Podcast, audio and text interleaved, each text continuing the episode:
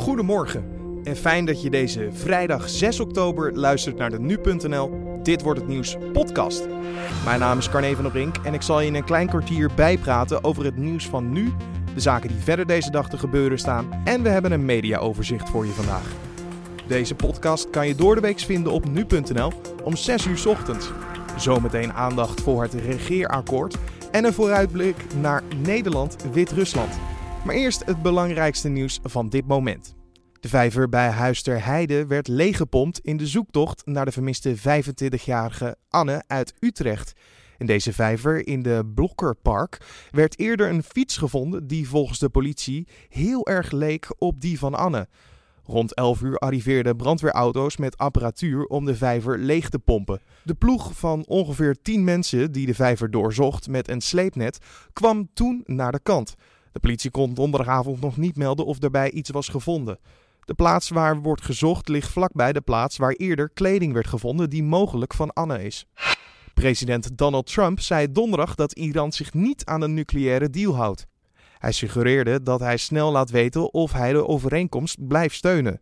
We mogen niet toestaan dat Iran nucleaire wapens krijgt, aldus Trump tijdens een eh, vergadering met de militaire leiders van de Verenigde Staten. Het Iraanse regime steunt terrorisme en exporteert geweld en chaos naar het Midden-Oosten. Daarom moeten we Irans doorlopende agressie en nucleaire ambitie stoppen. Of Trump zich terugtrekt uit de deal met Iran liet hij niet weten, maar hij zei snel dat er nieuws zal volgen.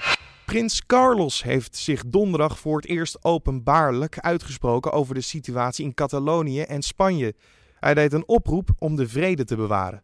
Ik ben ervan overtuigd dat de overgrote meerderheid van de burgers een serieuze dialoog wenst, die een tot overeenkomst leidt.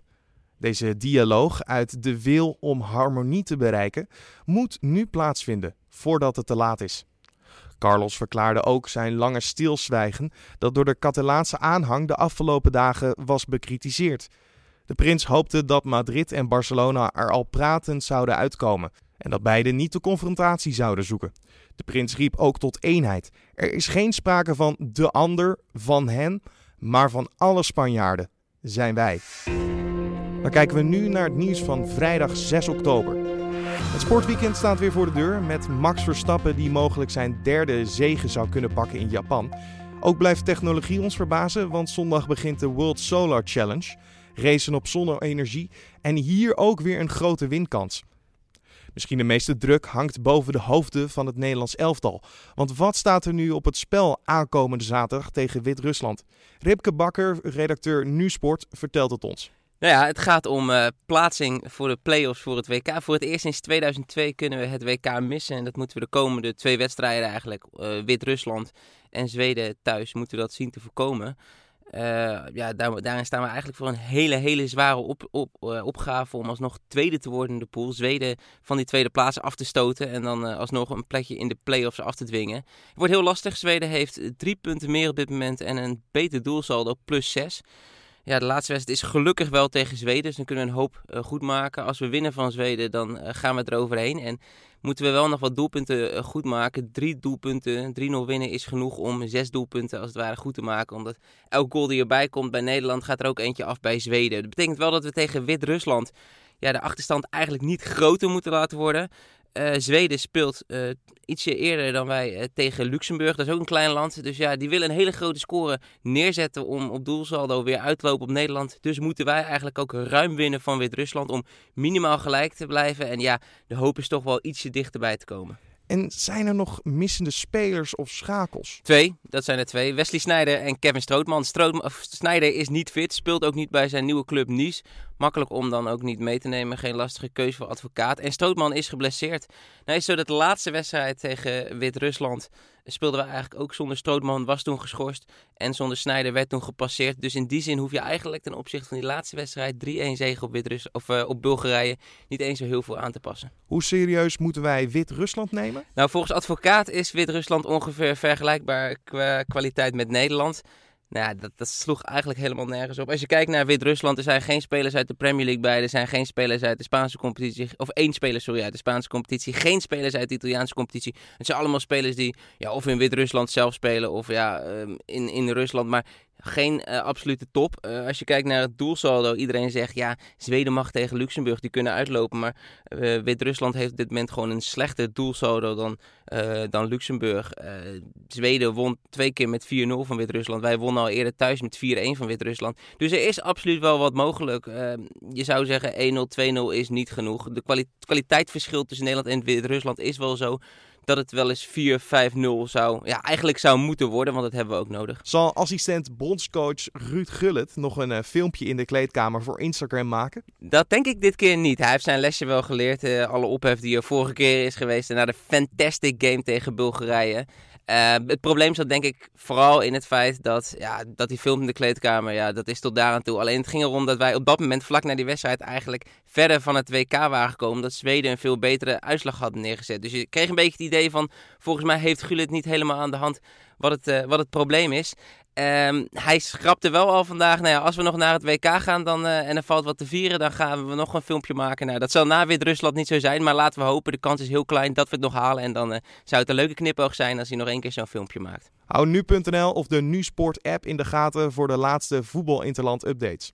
Na ruim 200 dagen formeren is het vandaag dan zover. Het regeerakkoord van het kabinet Rutte 3 zal worden gepresenteerd. Dat bevestigen bronnen aan nu.nl na berichtgeving van het AD. De presentatie is waarschijnlijk in de zaal van de Oude Tweede Kamer.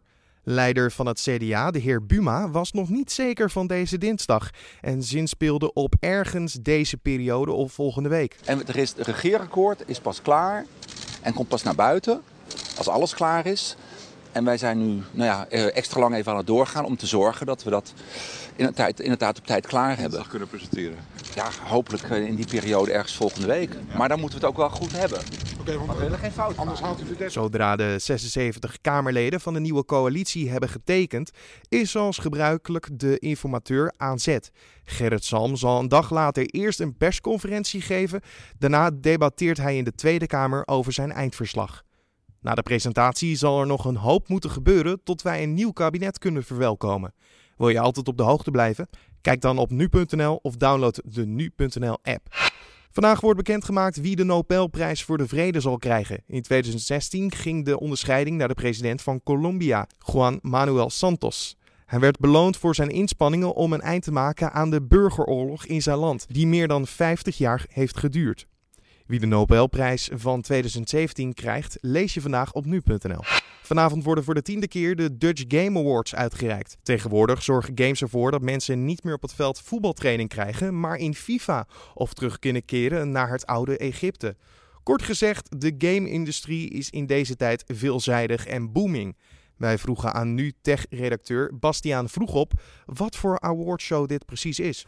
Nou, je hebt in Nederland natuurlijk de Gouden Kalveren voor de beste films die in Nederland gemaakt zijn. En de Dutch Game Awards zijn eigenlijk ja, de game-equivalent ervan. Dus de allerbeste games die Nederlandse ontwikkelaars hebben gemaakt, die krijgen dan ieder jaar een prijs om ze mee in de schijnwerpers te zetten. En hoe staat de game-industrie in Nederland ervoor? We hebben in Nederland een handjevol ontwikkelaars. Het meeste daarvan zijn ja, toch eenpitters of kleine ontwikkelaars. Die maken dan met een klein team maken ze een spel. Dat geven ze dan vaak online uit. We hebben ook een paar grotere studio's, bijvoorbeeld uh, Amsterdamse Guerrilla Games, die maken veel grotere games, maar die zijn sterk in de minderheid hier in Nederland. Het is ook als ontwikkelaar in Nederland best wel moeilijk om te overleven. Het zijn heel veel bedrijven die één game uit en dan uh, gaan ze na een tijdje toch weer failliet. Maar het begint steeds wel meer te veranderen. Je ziet wel dat steeds vaker ontwikkelaars na een eerste spel ook weten te overleven. Dus er zit een ja, kentering in. Wie zijn de grootste kanshebbers? De grootste kanshebber dit jaar is natuurlijk Horizon Zero Dawn. Dat is van Guerrilla Games die ik eerder net al noemde. Uh, dat is een uh, ja, grote internationale 3D-game. Die is, uh, internationale pers heeft hem geprezen. is een commercieel succes. En ja, is eigenlijk de grootste release die we in de afgelopen misschien wel tientallen jaren hier in Nederland hebben gehad. En het zou eigenlijk wel een beetje gek zijn als die niet wordt beloond met een prijs dit jaar. Voor de laatste updates, jij bent er toch bij. En hoe kunnen we jou het beste volgen? Ja, er is niet iets van een livestream of een tv-uitzending om het te volgen. Dus je moet er eigenlijk echt zijn om te weten wie er hebben gewonnen. Maar wij zitten gewoon in de zaal. Dus je kunt gewoon op nu.nl lezen hoe het ervoor staat. Dan kijken we even naar het mediaoverzicht van vandaag. Het vluchtelingenbeleid gaat flink op de schop in Rutte 3. Dat schrijft de Volkskrant. In de eerste twee jaar nadat mensen in Nederland zijn aangekomen, hebben ze geen recht meer op zorgtoeslag, huurtoeslag en bijstand. Maar wordt de hulp vooral in natura uitbetaald. De vluchtelingen houden nog wel recht op leefgeld voor enkele honderden euro's. Dat zou blijken uit de nieuwe plannen. Trouw schrijft ook over op handen zijn met het regeerakkoord. In de krant worden de klimaatambities van het nieuwe kabinet besproken. In het regeerakkoord zijn naar verluid een klimaatwet en een nieuwe energieakkoord opgenomen. Opvallend is dat het nieuwe kabinet zou willen dat bepaalde maatregelingen juridisch afdwingbaar worden. Ook worden milieudoelen gesteld om te kunnen voldoen aan een, het klimaatakkoord van Parijs. Concrete maatregelingen zijn naar verluid een kilometerheffing voor vrachtverkeer en geld voor woningcorporaties om huurhuizen beter te isoleren. Directeur Buma Stemra, Wim van Limt, heeft veel grote uitgaven gedaan met de creditcard van de zaak. Dat valt te lezen in de Volkskrant. Onder andere eerste klas vliegtickets, dure etentjes en hotels en een golfabonnement heeft hij gedeclareerd. Vorig jaar bij zijn aantreden zei hij nog dat hij zuinig wilde zijn, zodat er veel geld over zou blijven voor de leden. Dan nog even het weer. Vrijdag overdag is het koel, herfstweer met maximaal rond de 14 graden. Verder wisselen wolken, zon en enkele buien elkaar af. Daarbij is in de eerste kustgebieden nog kans op onweer. In het weekend blijft het wisselvallig en koel weer. Vooral zaterdag is niet veel zon. Zondag wordt het smiddags wat beter weer.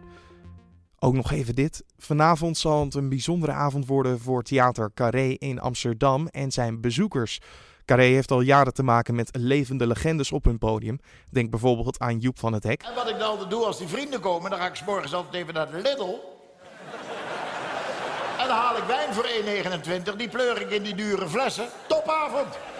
Hij stond al meer dan 200 keer in Carré. Of wat dacht je van Herman van Veen, waarvan de teller nu al 500 staat? Opzij, opzij, opzij, maak plaats, maak plaats, maak plaats. Wij hebben ongelofelijke haast.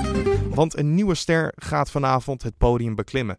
We hebben het over Jorik Scholten, beter bekend als Little Kleine. Die je waarschijnlijk kent van dit nummer. Als je bitch wil chillen is het geen probleem, dan ga ik erheen. Ik kom niet alleen, want ik heb drank en drugs. Ik heb drank. Met zijn tour genaamd Alleen staat hij als eerste rapper vanavond op het podium van Carré. En mag hij het dak ervan afspelen. Het eenmalige concert komt voort uit een langere tour door Nederland en België. Ben je van plan om nog naar kaarten te gaan zoeken? Dan kan je dat beter laten. Want het concert was namelijk eh, binnen een half uur al uitverkocht. En dat betekent dat Little Kleine niet bang hoeft te zijn dat hij vanavond alleen is. Ik ben soms alleen. Dit was dan de Dit Wordt Het Nieuws podcast voor deze vrijdag 6 oktober. Zoals gezegd kan je de Dit Wordt Het Nieuws podcast elke maandag tot en met vrijdag vinden op nu.nl om 6 uur 's ochtends. Namens nu.nl wensen we jou een fijn weekend alvast en tot maandag.